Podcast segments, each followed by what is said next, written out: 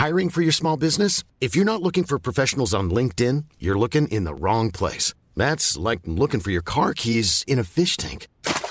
LinkedIn helps you hire professionals you can't find anywhere else, even those who aren't actively searching for a new job but might be open to the perfect role. In a given month, over 70% of LinkedIn users don't even visit other leading job sites. So start looking in the right place. With LinkedIn, you can hire professionals like a professional. Post your free job on linkedin.com slash people today.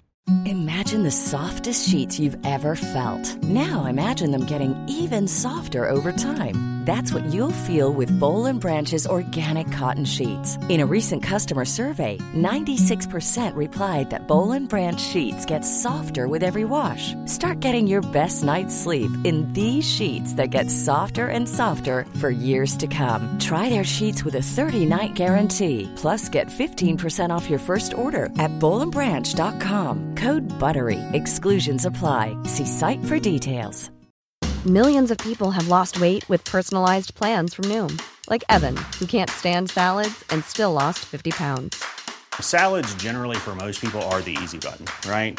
For me, that wasn't an option. I never really was a salad guy. That's just not who I am. But Noom worked for me.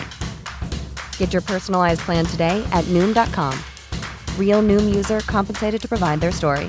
In four weeks, the typical Noom user can expect to lose one to two pounds per week. Individual results may vary. Palmemordet, Café Mon Cherie, del 2. Sveriges statsminister Olof Palme är död. 90 000. Ja, det är mord på Sveavägen. Hörde de säger att det är Palme som är skjuten. Mordvapnet med säkerhet är en Smith Wesson, en revolver kaliber .357. Inte ett svar. Det finns inte ett svar. För jag har inget. Och jag har inte varit Polisen söker en man i 35 till 40-årsåldern med mörkt hår och lång mörk rock. Hej, jag heter Dan Hörning och jag gör den här podden. Just nu sitter jag och försöker strukturera 15 permar med material som eh, till största del inte har publicerats tidigare. Det är alltså permarna som Börje Wingren tog med sig från Palmeutredningen som har lämnat kopior av till eh, Anders Leopold som då Tobias Henriksson fick chansen att fotografera när han var i Norge och träffade Anders Leopold. Och som jag nu också har tillgång till. Det här är ett jättejobb men det är otroligt spännande att försöka välja ut material från de här pärmarna och presentera till er. Men det tar enormt mycket tid. Och därför är jag beroende av er sponsring på patreon.com palmemordet. Om vi kommer till 500 dollar och vi är inte jättelångt ifrån nu, vi är på 379. Så kan nästa spår efter Viktor bli polisspåret och så kan vi gå på djupet med det som de flesta av er vill höra och vi kan också finansiera Christer Pettersson, PKK och Sydafrika som är de, de stora spåren i den här historien. Vi har jättemånga avsnitt kvar och jag ser fram emot att presentera saker om Viktor Gunnarsson som väldigt få människor har hört tidigare. Men det är min bön till er. Patreon.com palmordet. Patreon.com palmordet. Och det funkar som jag så många gånger har berättat eh, att ni lägger en summa per avsnitt, oftast 2 dollar. Då ger ni mig en latte varannan vecka.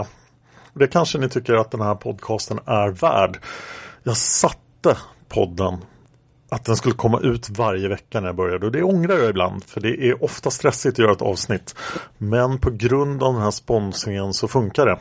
Annars skulle det nog varit mer naturligt att komma varannan vecka. Eller så Men det valde jag att inte göra från början. Ja, över till handlingen. Vi är kvar på Moncherie och vi har en till anställd där. Och jag har framför mig ett spaningsuppslag i grövre brottmål. Det är från 86.03.15 klockan 15.30. Uppgiftslämnaren är polisassistent P. Selgström. Eller ja, det är Ja, det hör samman med Palmemordet. Mannen som förhörs är Stanislav O. Han bor i Johanneshov och han jobbar då på konditori Mon Cherie. Ska se om vi får lära oss vad exakt han jobbar med. Förhör påbörjades med Stanislav klockan 14.30 86.03.15 med anledning av Viktor Gunnarssons besök på Mon Cherie den 28 februari 1986. Kom ihåg i förra avsnittet att ingen av personalen som vi pratade om, de två tjejerna som var i personalen då, de hade inte sett honom. Men här kommer vi att få ett annat besked. Stanislav berättade att den aktuella personen som han bara känner till namnet Viktor kom till Moncherie den 28 februari mellan klockan 17 till 18. Gunnarsson satt och pratade med två flickor en längre stund och i övrigt så satt Gunnarsson och läste en dagstidning och skrev upp något på ett vitt papper. Enligt Stanislav så skrev Gunnarsson av någonting från tidningen. Gunnarsson var på kondiset till cirka 21.00 men på denna punkt är Stanislav osäker för det kan även vara klockan 22. Under vistelsen på kondiset har Gunnarsson pratat med många människor på stället. Stanislav kom inte ihåg vilka kläder Gunnarsson bar. Dock kom han ihåg en trolig ljusmarin axelremsväska som Gunnarsson hade med sig. Stanislav är säker på att Gunnarsson inte kom tillbaka mer under kvällen eller natten. Antingen den andra eller den tredje mars kom Viktor Gunnarsson till Mon med två stycken utländska män varav den ena var flintskallig. Alla tre bar kostymer. Stanislav har aldrig tidigare sett Viktor Gunnarsson i kostym.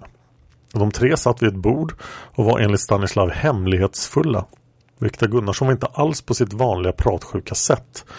Hur länge de var på kondiset vet inte Stanislav. Då han själv lämnade stället cirka 10-15 minuter efter det att männen kommit.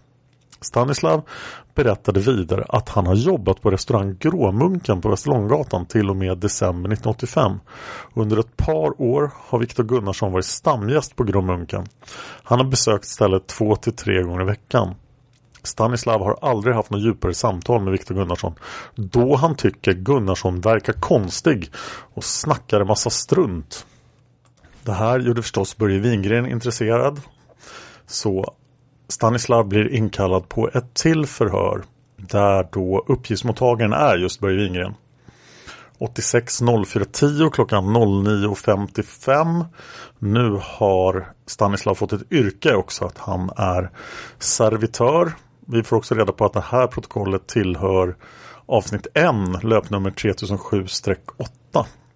Jag antar att avsnitt 1 är Viktor Gunnarsson i Palmeutredningen då. Stanislav känner till Viktor Gunnarsson sedan cirka ett och ett halvt år tillbaka. Tidigare var Stanislav anställd som servitör på restaurang Grå Munken på Västerlånggatan i Gamla stan och denna restaurang frekventerades ofta av Viktor Gunnarsson.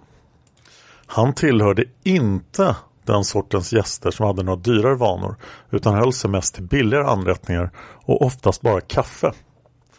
Hans agerande var genomgående sådant att han vid sina besök tog kontakt med personer som fanns på restaurangen. Mer än dels var hans intresse riktat åt det kvinnliga könet. Emellanåt kom han dock i bråk med besökande invandrare. Som, och där går det inte att läsa vad det står, araber och vad Stanislav har hört sig berättas så var det olika polis, eh, politiska åsikter som låg bakom. Stanislav slutade sin anställning på Grå Munken i december 1985 varefter han började på Café Mon som extra för cirka två månader sedan. Det här förhöret var ju 10 april så att ja, någon gång i början på februari. Och denna anställning har Stanislav fortfarande. På grund av att Stanislav bara arbetar någon dag i veckan så kan han inte uttala sig om hur ofta Viktor Gunnarsson besöker detta café. Men vid några tillfällen när Stanislav har varit i tjänst så har Viktor Gunnarsson varit på Mon som gäst. Här har Viktor Gunnarsson uppträtt på samma sätt som han gjorde på Grå Munken. Alltså mer eller mindre flutit omkring bland andra gäster. Ibland på sådant sätt att vissa personer har blivit irriterade på honom. Själv har Stanislav vid tillfällen blivit ganska så irriterad och också sagt till andra gäster att om Viktor Gunnarsson skulle bli besvärlig för dem så skulle de säga ifrån till Stanislav. Mer än dels så pratade Viktor Gunnarsson engelska jag har aldrig hört talas om ordet mer än dels. Så jag har lärt någonting idag. Det låter som ett Börje Wingren-ord.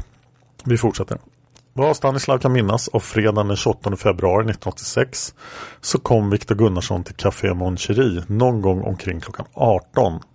Han kom ensam och satte sig ensam vid ett bord i matsalen. Han omtalade för Stanislav att han var lite förkyld vad Stanislav kan minnas så beställde Viktor Gunnarsson te eller kaffe. Till början var han också i kontakt med några kvinnliga anställda som han brukade prata med. Och det här är ju väldigt anmärkningsvärt eftersom det fanns två kvinnliga anställda som inte hade sett honom den här kvällen i förra avsnittet. Och då undrar man, fanns det fler än två kvinnliga anställda? Jag fortsätter förhöret. Stanislav minns också klart att Viktor Gunnarsson hade med sig en tidning och från denna satt han och skrev upp någonting på en vit lapp. På fråga till Stanislav om den aktuella tidningen utlånades till Viktor Gunnarsson av honom så svarar Stanislav att denna tidning hade Viktor Gunnarsson med sig när han kom. Stanislav kan inte med bästa vilja i världen komma ihåg på vilket sätt Viktor Gunnarsson agerade. Han vet med bestämdhet att Viktor Gunnarsson inte satt stilla vid ett bord och det mest troliga är att Gunnarsson vid skilda tillfällen lämnat kaféet och gått ut på stan vart efter han senare återkommit. Stanislav minns helt klart att han senare på kvällen sett Viktor Gunnarsson sitta och stå vid ett bord vid vilket minst tre kvinnor satt. Han förstod det förekom någon slags diskussion dem emellan men har inte klart för sig vad denna gällde. Stanislav minns helt klart att han vid detta tillfälle bad Viktor Gunnarsson ta hand om sitt ytterplagg som Viktor lagt ifrån sig på en stol vid ett annat bord. Detta bord var belägres alldeles i kontakt med det bord som damerna satt vid. Och Viktor Gunnarsson hade, vad Stanislav kan förstå, full uppsikt över ytterkläderna hela tiden. Vad det gäller Viktor Gunnarssons ytterplagg så minns Stanislav endast att jackan var mörkare tyg och ganska lång. Stanislav vet inte om Viktor Gunnarsson hade några handskar. Men med sig hade Gunnarsson en mindre blå väska med rem så att densamma kan användas som axelremsväska. Vad Stanislav helt klart kan minnas av Viktor Gunnarsson denna dag så hade han inte den mustasch som Stanislav varit van att se Gunnarsson ha. Däremot var han inte välrakad utan hade någon eller några dagars skäggstubb. Stanislav minns också att Viktor Gunnarsson hade någon slags stickad tröja på sig under besöket på Café Mon Stanislav har mycket svårt för att klara av klockslaget för Gunnarssons avvikande för gott från kaféet. Han minns klart att i samband med det flickorna gick därifrån så avvek också Viktor Gunnarsson. Redan när Stanislav påminde Gunnarsson om sina ytterkläder så sa Gunnarsson till Stanislav att han skulle gå ganska så omgående. Viktor Gunnarsson har inte vid något tillfälle, varken när han läste tidningen eller senare sagt någonting om att han skulle gå på biograf. För Stanislav omtalas nu av uppgiftsmottagaren att de tre damerna ganska så samstämmigt omtalat att de lämnade Café Mon omkring klockan 22.30 eller något före eller efter. Stanislav säger nu att om denna tid är riktig, vilket man får förutsätta, så lämnade Viktor Gunnarsson kaféet några minuter efter dem. Detta är Stanislav helt säker på. Utöver detta så har Stanislav ett helt klart minne av att han på söndagen den 2 mars ungefär vid 18-tiden la märke till Viktor Gunnarsson på Café Mon Han satt då vid ett bord tillsammans med två andra män med all säkerhet utlänningar. Den ena av männen var skallig på gässan hade alltså bara krans kring huvudet. Samtliga män var vid tillfället klädda i kostym. Gunnarsson för sin del en blå sådan av lite ljusare tyg och han hade även slips. Denna dag var sista gången Stanislav såg Gunnarsson. Genomläst och godkänt Börje Wingren, kriminalinspektör. Jag har ett till Mon vittne och han har jag inte lyckats hitta bland de här förhören. Det betyder inte att han inte finns bland förhören för jag har definitivt inte hunnit gå igenom alla 15 pärmarna än. Utan alla de här uppgifterna kommer från Leopold Rapport Leopold Report, alltså Anders Leopolds sida på leopoldreport.com. Och det här anses då vara ett tillägg till kapitel 20 i Börje Wingrens bok Han sköt Olof Palme. Som har tillkommit då efter att boken publicerades. Och det handlar om vittnet Olle. Rubriken är Han träffade 33-åringen timmarna före mordet och vittnar om dennes märkliga och Palmefientliga beteende tillägg till kapitel 20 i boken Han sköt Olof Palme. Och sen börjar artikeln bara med att Olle pratar i princip. Det var cirka 12 veckor efter mordet på statsministern som jag hörde efterlysningen på radion. Jag satt där med exakt samma kläder på mig som den kvällen då Olof Palme mördades. Det måste vara ufot som jag träffade, som är 33-åringen. Som från första början kallades 32-åringen av pressen. Det skulle ju kunna vara jag. Jag ringde det nummer som lästes upp i radion. Mannen som tog emot tipset var rätt ointresserad och tjatade hela tiden om ifall jag hade uppmärksammat något hos den här personen som var speciellt. Något, allt hos honom var speciellt.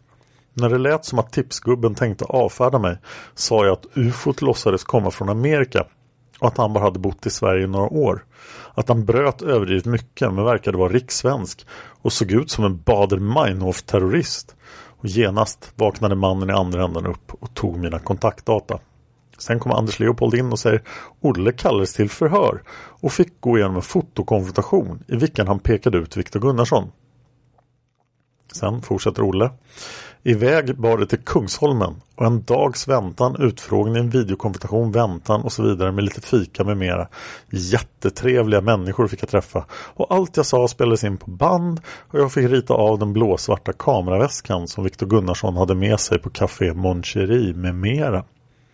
Anders Leopold frågar Kan du förklara varför du uppfattade Viktor Gunnarsson som en Bader-Meinhof-terrorist? Olle svarar det var en reflektion över hela hans personlighet. En person som jag aldrig skulle lita på överhuvudtaget. Det var blicken, hans ovårdade yttre och hans dominanta beteende.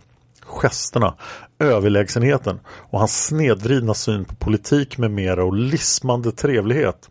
Jag var på kaféet när Gunnarsson dök upp vid 18-tiden.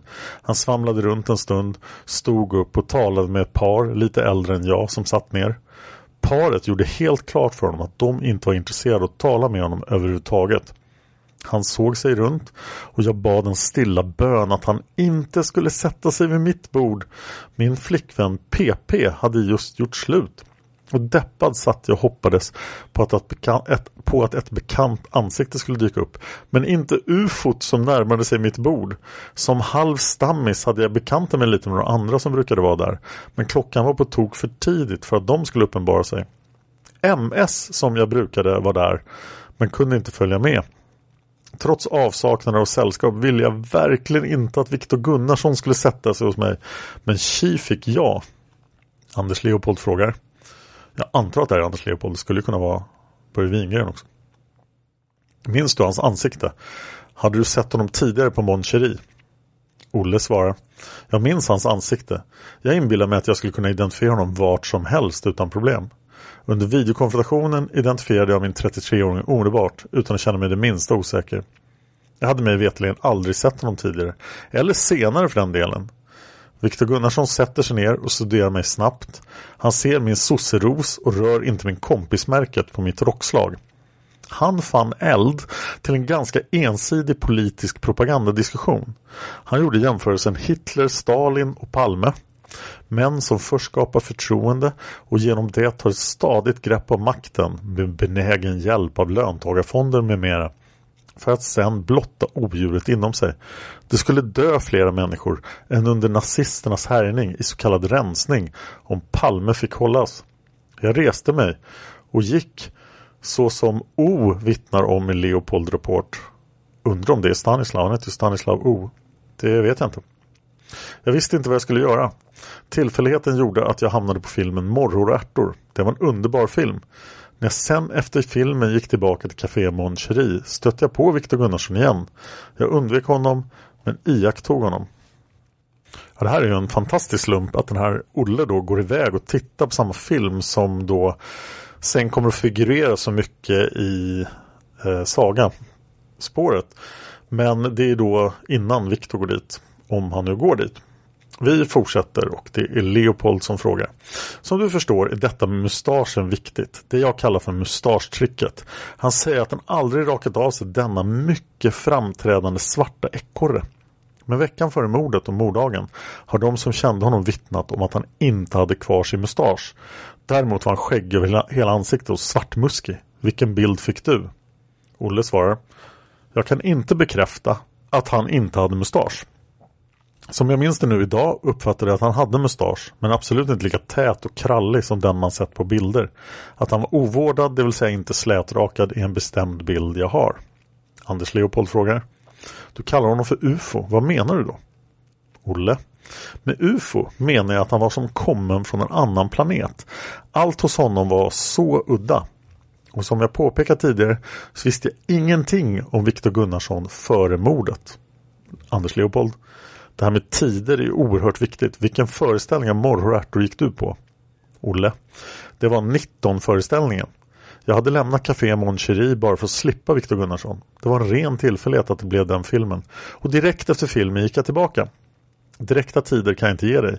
Jag och Viktor Gunnarsson hade ett inte lika långt samtal som första gången. Men vi utbytte nog några ord vid enstaka tillfällen. Typ när han passerade mitt bord eller liknande. Han hade hittat nya offer. Jag hörde dock delar av hans samtal med andra. Jag iakttog honom ganska medvetet. Jag lämnade Café Mon för att försöka hinna med 23.10 kanske, tåget hem. Jättetidigt dagen efter väcktes jag av min mamma som proklamerade att Olof Palme var mördad. Att det hade hänt i city strax efter klockan 11. Mitt sömndruckna svar blev Jag sa ju att det var en Bader Meinhof-medlem i stan. Det var säkert han. Ett dåligt skämt som kanske inte var helt fel? Frågetecken.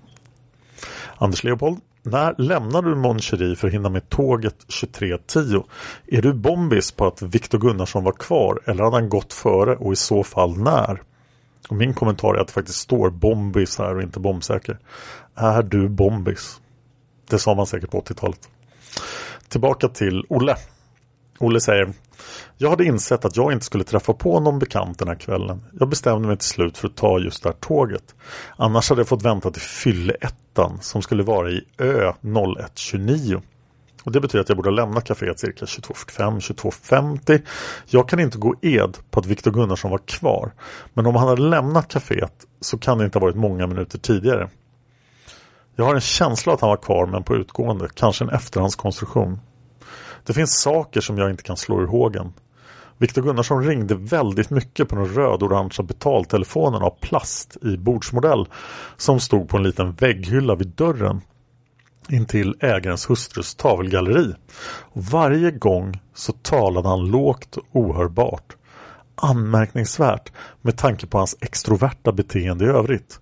Varje gång höll han i en telefon, anteckningsbok och med en penna skrev han då och då.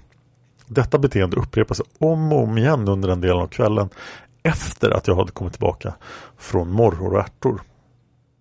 Anders Leopold säger Viktor Gunnarsson har i förhören virrat med uppgifter om telefonsamtal.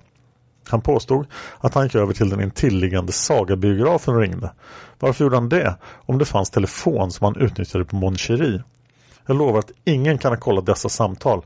Men om det är som du säger att han ringde väldigt mycket på betaltelefonen på Mon Cherie har detta inte kollats upp. Jag vill att du bekräftar detta en gång till. Därför att det kan vara ett viktigt spår i utredningen. Olle svarar. Viktor Gunnarsson använde telefonen vid flera tillfällen, cirka 10-15 gånger. vid ett av tillfällena, när några indier verkade iaktta honom, så flidde han upp sig och sa ungefär så här när han la på luren. Tjejer, jag älskar svenska tjejer, men det verkar som att de alla har en dålig dag. I den här har jag så många fina svenska flickor. Han höll snabbt upp sin anteckningsbok. Att jag inte behöver oroa mig. Det gäller bara att välja rätt flicka vid rätt tillfälle. Jag får väl prova ett annat nummer. Varvid han stod kvar och tittade lite i boken och slog ett nytt nummer. Han talade om för fler att han skulle ringa någon kvinna och så ringde han igen. Ibland med boken i handen eller också antecknade han något i den. Samtalen fördes lågmält och han stod lätt lutad och nästan helt vänd från lokalen. Ibland gick han och talade med den utländska ägaren vid kassan efter samtalet. Och så ringde han igen. Typiskt. Upptaget hela tiden var också en kommentar. Jag vet inte om jag stött på honom tidigare på Moncherie. Om han varit där och jag inte lagt märke till honom tidigare. Varför var hans beteende så utpräglat extrovert att se på mig just den kvällen? Om han bara varit där fåtalet gånger innan kan det då ha varit för att se sig om efter ett lägligt ställe att avvakta på. Om han nu inte var en jättestadig gäst, varför valde han att vara där nästan hela den här kvällen utan sällskap? Och då säger Leopold, du har läst om Viktor Gunnarssons beteende på Leopold Report. Om svensk-amerikanen Vic Gunnison, världsmannen med idoler som Clinton och Stallone som kunde läsa på 13-14 språk och vars stora förebild var en nästan lika stor man, John F Kennedy. Talade han om något liknande? Olle svarar Det var en sak som slog mig när jag läste detta. Trots mina politiska märken på jackan var jag väldigt politiskt ointresserad på den här tiden då mordet begicks. Under vårt samtal om Palme så anklagade han Palme för mordet på John F Kennedy och att Grisbukten och den kubanska affären skulle ligga till grund för detta. Palme var ju bästa vän med Castro och ryssarna. Grisbukten visste jag inte så mycket om. Och här måste jag då inflika att alltså det här var en ny konspirationsteori som jag aldrig hört. Palme, Olof Palme anklagas för mordet på John F Kennedy. Den vill jag veta mer om. Ni får skriva till mig och berätta om hur det gick till när Olof Palme mördade John Kennedy. Det låter inte jätterimligt. Men vi fortsätter med artikeln. Anders Leopold frågar Har du fler tankar om hans beteende på Mon Cherie? Olle svarar Telefonsamtalen förbryllar mig mycket. När jag i Leopold Report läser om en sida i en kalender som saknas så känner jag en obehaglig känsla. Det jag skulle vilja veta så här i efterhand är vilka samtal som ringdes ut från betalautomaten. Det fanns uppgifter i pressen om mobiltelefon, walkie-talkie-män på Sveavägen den kvällen. De var inte så vanliga på den tiden. Kan samtalet ha gått till en eller flera koordinatorer som var utplacerade på Sveavägen? Jag har en bestämd känsla att Viktor Gunnarsson ville dra till sig uppmärksamhet den här kvällen. Det går emot min uppfattning. Ja, det måste vara Leopold som säger den här parentesen. Den här artikeln är inte, ja, är lite förvirrande. Det går emot min uppfattning att han möjligen var den direkta gärningsmannen. Olle fortsätter. Han hade ganska oordnad frisyr. När han talade med mig och i samtalet plockat hem en poäng så lutade, sen fli, lutade han sig flinande tillbaka och rättade till håret. Äh, sedan talade och såg direkt på honom så rufsade han till det genom att dra handen mothårs. Det var precis som att han omedvetet markerade sin överlägsenhet med att rätta till håret och sedan strax efter korrigera detta medvetet genom att försiktigt röra till kalufsen igen. Att han så öppet och direkt deklarerade sin åsikt om Palme och höll låda och böt bord under hela kvällen kan kanske ha varit normalt beteende hos Viktor men hela situationen var så se på mig att det klistrade sig fast i minnet som flugan på flugpappret. Jag kan inte tänka mig att han betedde sig så här under vanliga omständigheter. Anders Leopold frågar. Två år efter första förhöret kom polisen hem till dig igen för ett kompletterande förhör.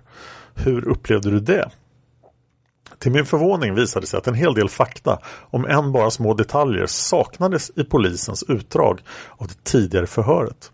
Bland annat fanns ingen anteckning av väskan omnämnd med mera. Jag kompletterade och ritade en ny väska. Kanske var det ett knep från polisens sida bara för att kontrollera trovärdigheten i mitt vittnesmål sedan två år tillbaka. Jag vet inte, men det kändes lite olustigt att det kanske saknades uppgifter som jag vet att jag hade lämnat tidigare. Idag vet jag att det är flera saker jag har glömt och som jag inte riktigt kan se framför mig klart. Dock så är det helt klart att jag får en väldigt obehaglig känsla av att Viktor Gunnarsson möjligen tog en del av sanningen med sig i graven. Anders Leopold lämnar också följande kommentar till det Olle har berättat här. How would you like to look five years younger? In a clinical study, people that had volume added with Juvederm Voluma XC in the cheeks perceived themselves as looking five years younger at six months after treatment. Look younger, feel like you. Add volume for lift and contour in the cheeks with Juvederm Voluma XC. Reverse signs of aging by adding volume to smooth laugh lines with Juvederm Volure XC. For important safety information and to find a licensed specialist, visit juvederm.com. That's J U V E D E R M.com. Not for people with severe allergic reactions, allergies to lidocaine, or the proteins used in Juvederm. Common side effects include injection site redness, swelling, pain, tenderness, firmness, lumps, bumps, bruising, discoloration, or itching. There's a risk of unintentional injection into a blood vessel, which can cause vision abnormalities, blindness, stroke, temporary scabs, or scarring. Talk to a licensed specialist to find out if it's right for you. Hiring for your small business? If you're not looking for professionals on LinkedIn, you're looking in the wrong place. That's like looking for your car keys in a fish tank. LinkedIn helps you hire professionals you can't find anywhere else, even those who aren't actively searching for a new job but might be open to the perfect role. In a given month, over 70% of LinkedIn users don't even visit other leading job sites. So start looking in the right place. With LinkedIn, you can hire professionals like a professional. Post your free job on linkedin.com slash people today. Quality sleep is essential. That's why the Sleep Number smart bed is designed for your ever-evolving sleep needs. Need a bed that's firmer or softer on either side? Helps you sleep at a comfortable temperature? Sleep Number smart beds let you individualize your comfort so you sleep better together. JD Power ranks Sleep Number number 1 in customer satisfaction with mattresses purchased in-store. And now save 40% on the Sleep Number limited edition smart bed for a limited time. For JD Power 2023 award information, visit jdpower.com/awards. Only at Sleep Number stores or sleepnumber.com. Vad som är särskilt intressant med detta vittnesmål är att Viktor Gunnarsson tidigare på kvällen innan makarna Palme gick på bio och kan ha iakttagits utanför grannbiografen ger sig in i en häftig diskussion om Palme. Det om något tyder på att han vet att någonting är på gång. Vilket han också gör några timmar senare med de tre flickorna han attackerar vid 22.30-tiden. Och då talar om att bli skjuten i ryggen.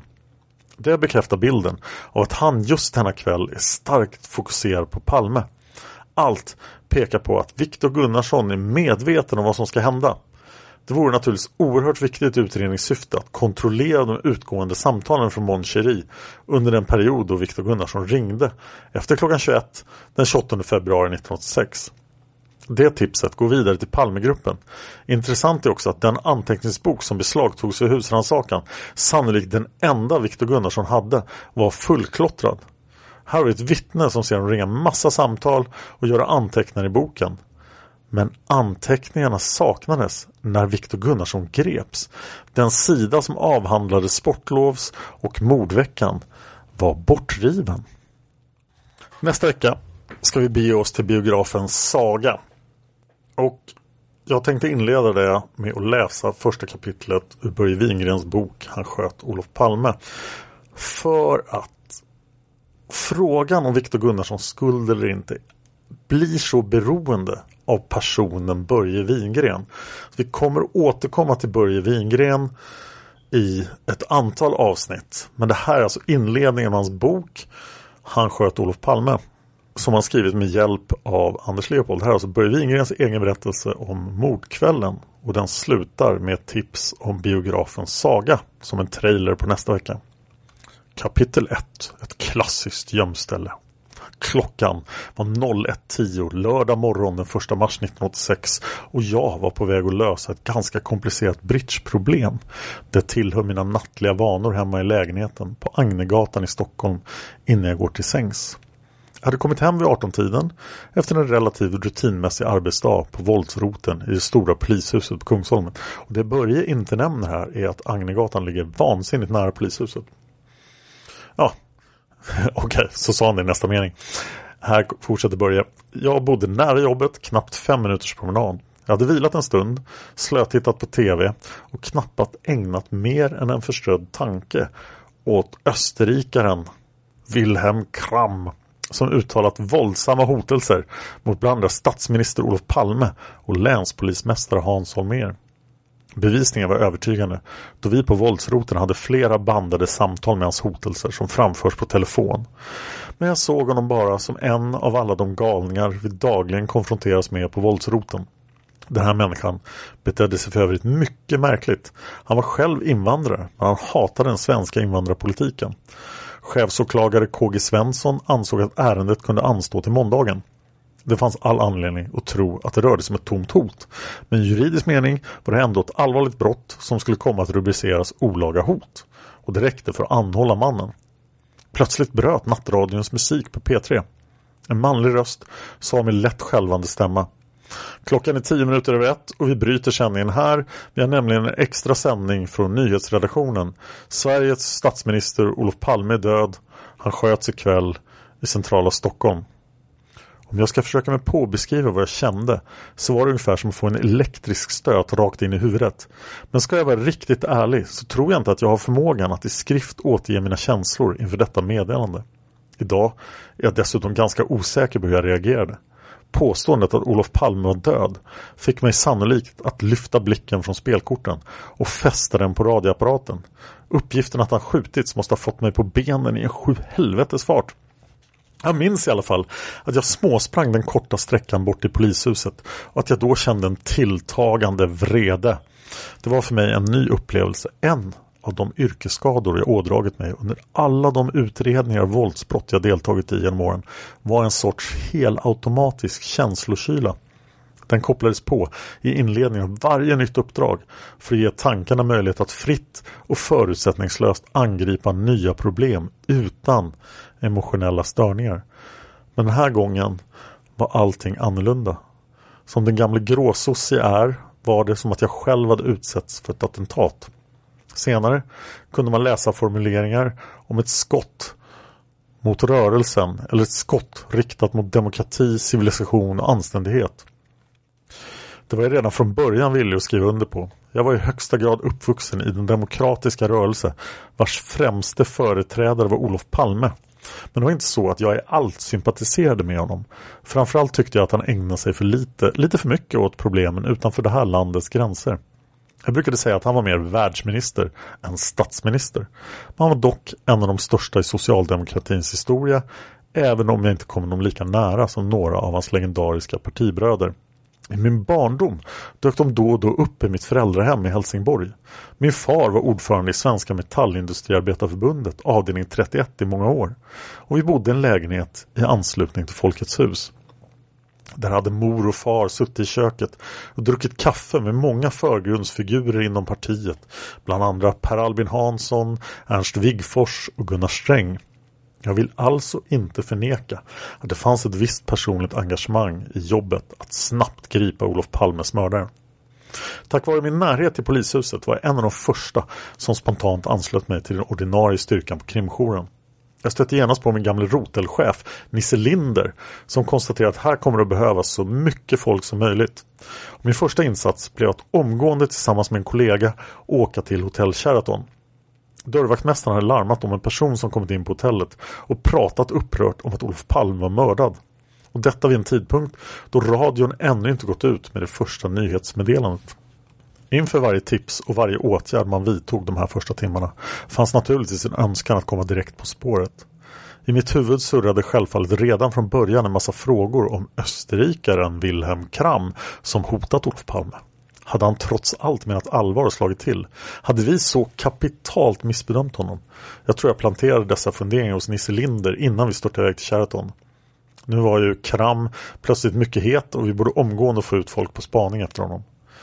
Mannen på Sheraton kunde utan vidare avfärdas. Jag kände honom sedan tidigare och även om han inte tillhörde de tillförlitligaste busarna så höll hans historia.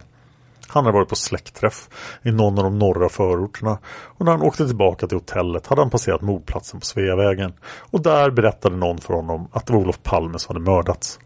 Jag var tillbaka vid tvåtiden. Då surrade det ordentligt om österrikaren Kram.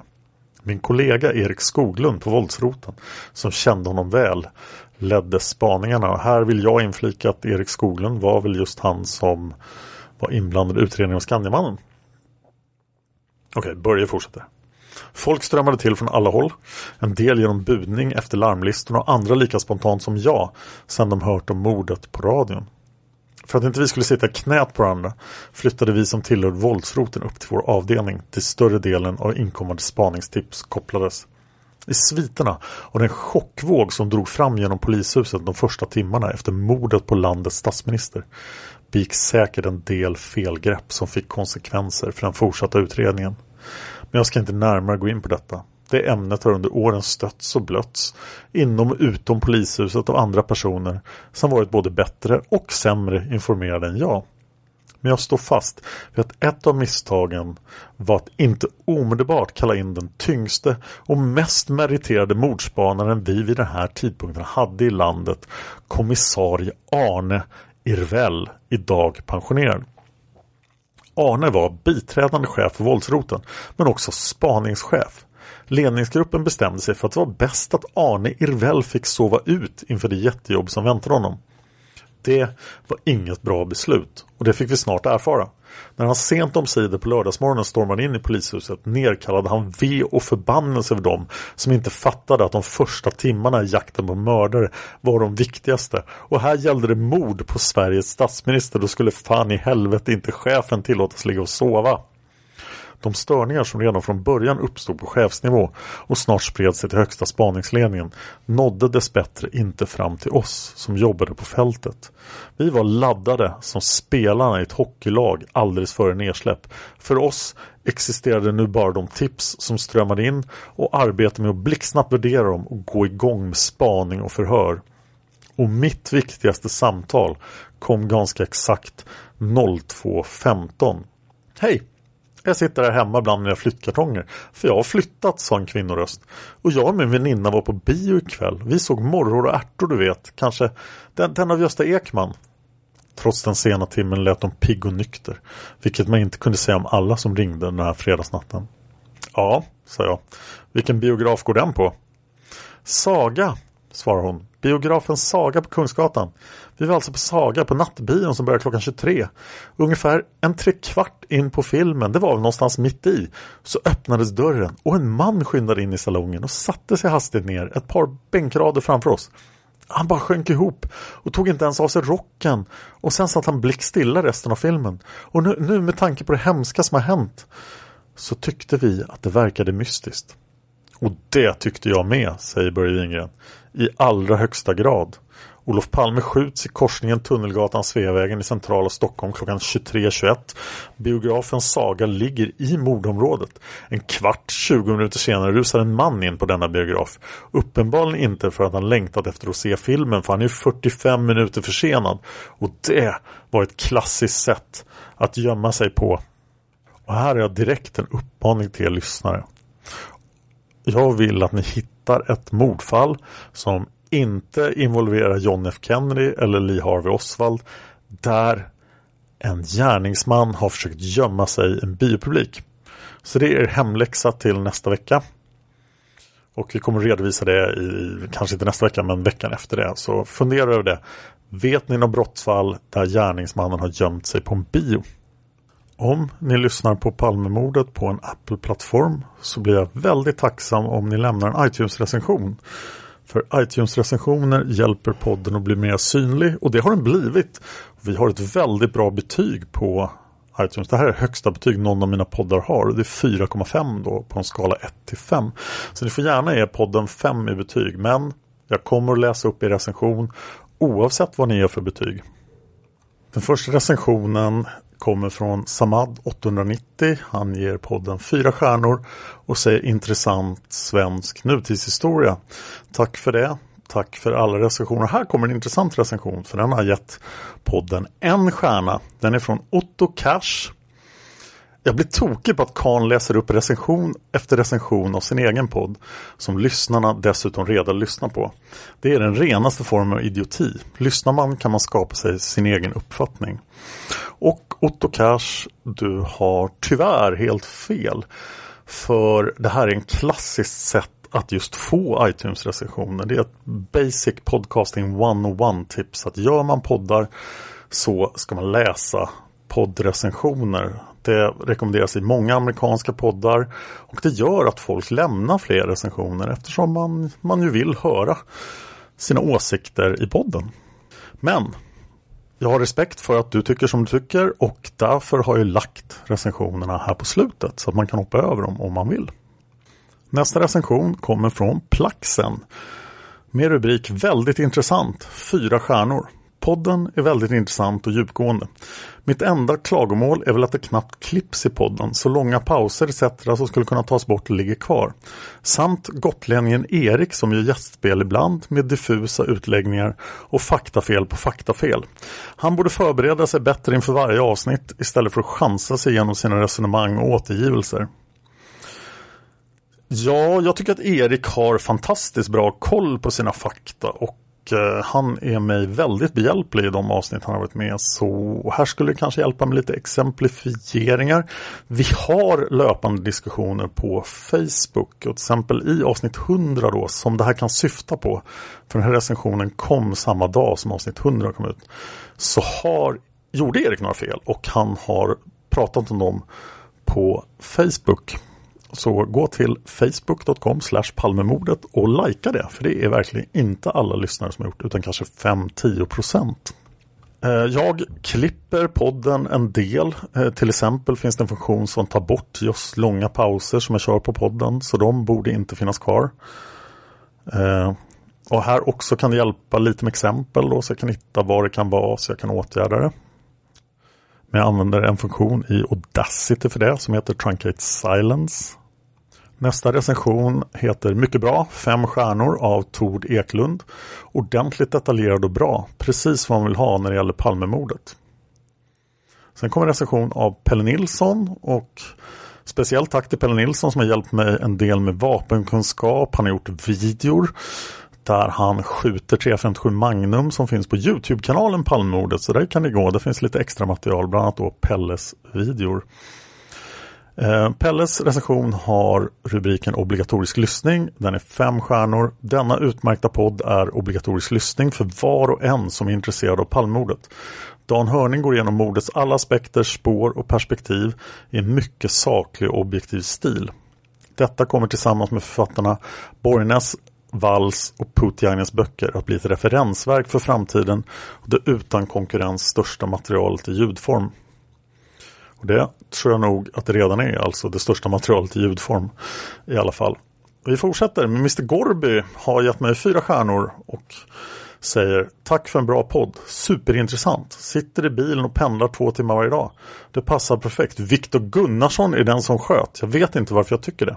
Men det verkar helt enkelt vara lite för mycket att förklara det motsatta.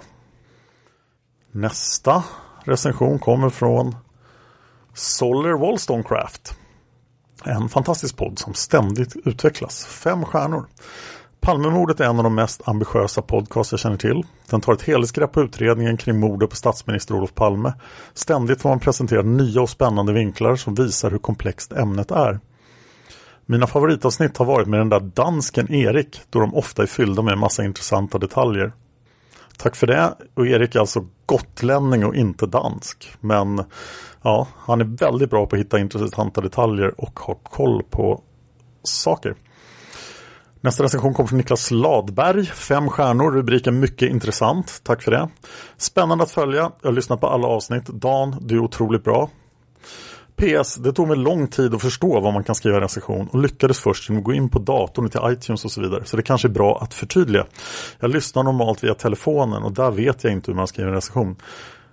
Det är en jättebra synpunkt och jag har faktiskt gjort en instruktionsvideo just hur man gör en iTunes-recension. Så att om ni undrar, fråga mig så ska jag posta videon.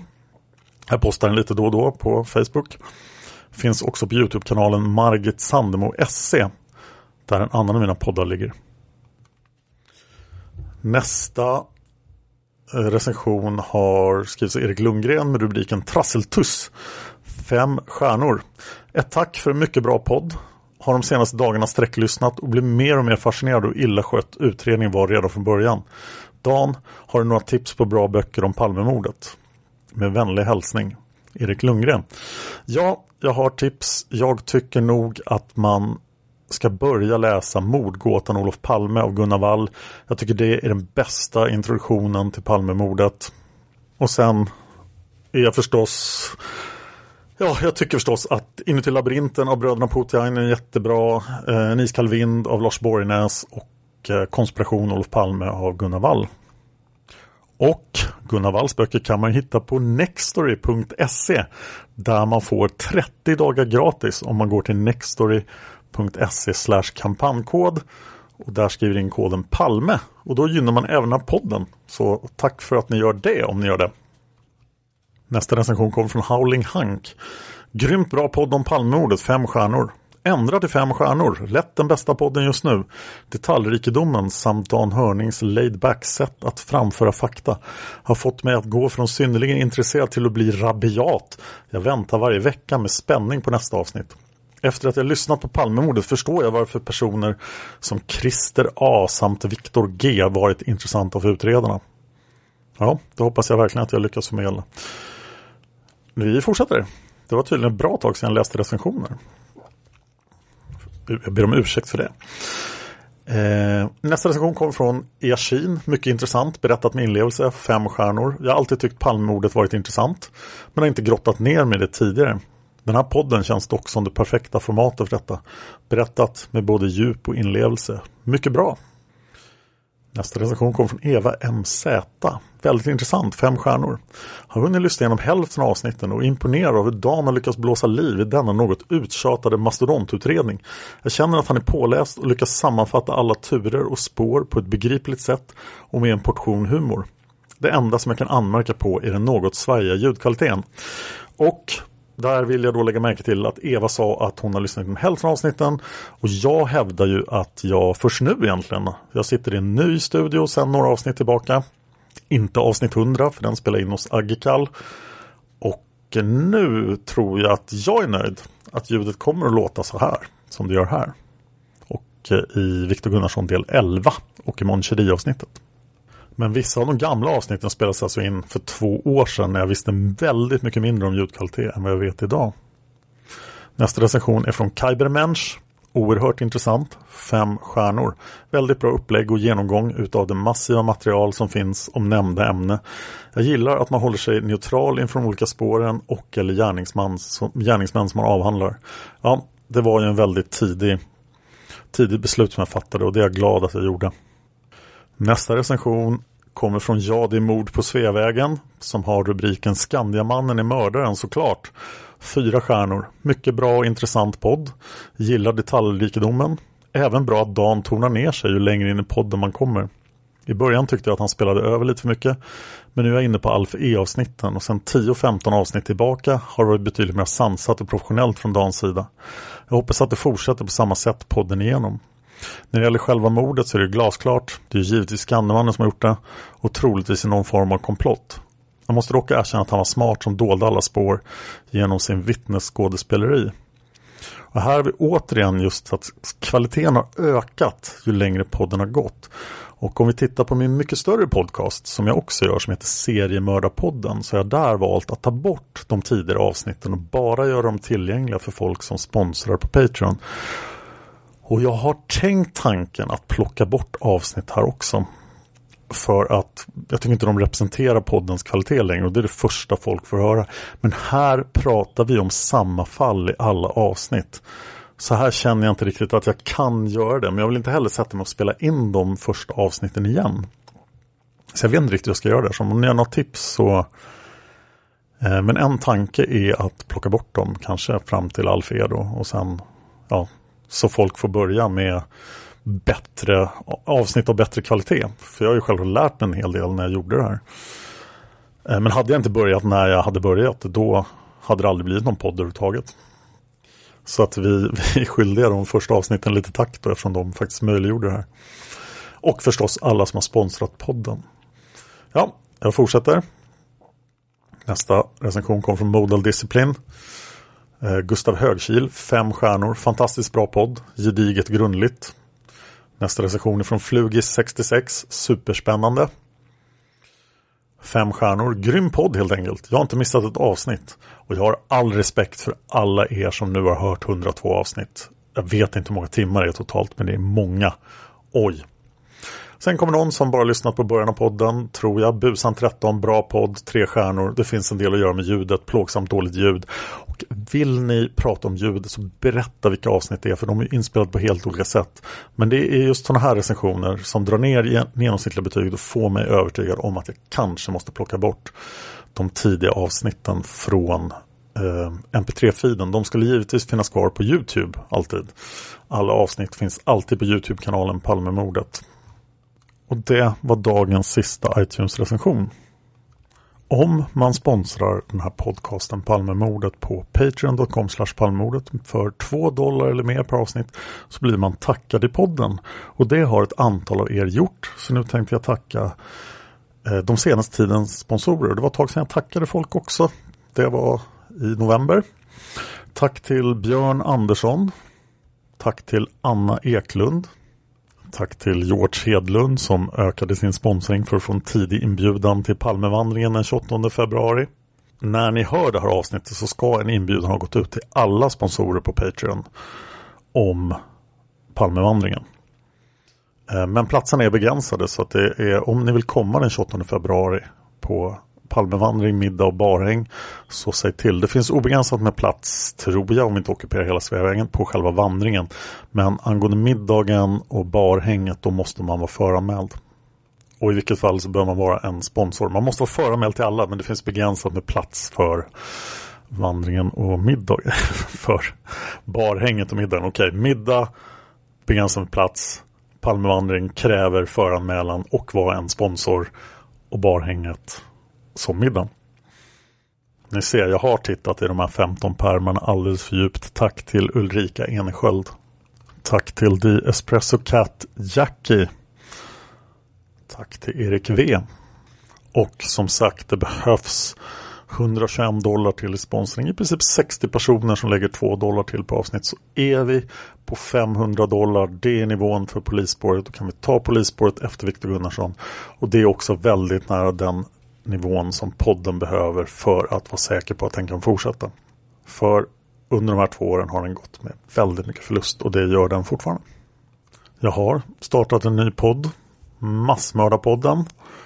Det är ett otroligt intressant projekt eftersom det är en betalpodd, den ligger på Podme. Eh, och det kostar då en månadsavgift på 19 kronor om man går via webbsidan eller 29 kronor via appen och lyssnar på Massmördarpodden jag har precis avslutat en trilogi om Richard Speck.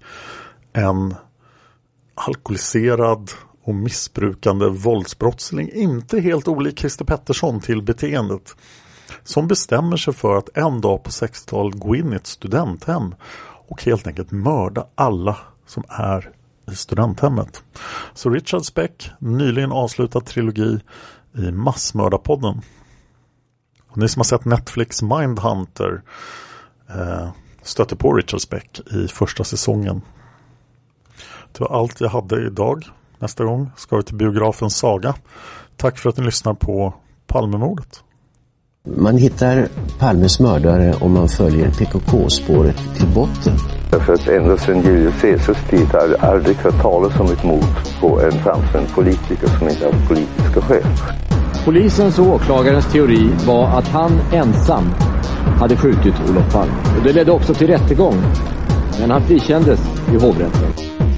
Nu ska vi ut och röva, Stråtiga. Vi ska ut och röva. Hey, it's Danny Pellegrino from Everything Iconic. Ready to upgrade your style game without blowing your budget? Check out Quince. They've got all the good stuff shirts and polos, activewear, and fine leather goods, all at 50 to 80% less than other high end brands. And the best part? They're all about safe, ethical, and responsible manufacturing. Get that luxury vibe without the luxury price tag. Hit up quince.com slash upgrade for free shipping and 365 day returns on your next order. That's quince.com slash upgrade.